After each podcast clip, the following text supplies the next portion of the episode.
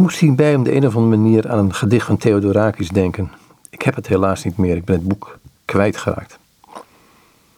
Volgende gedachte. De koffie van een vriend smaakt dieper dan een diep gesprek, smaakt de koffie van een vriend.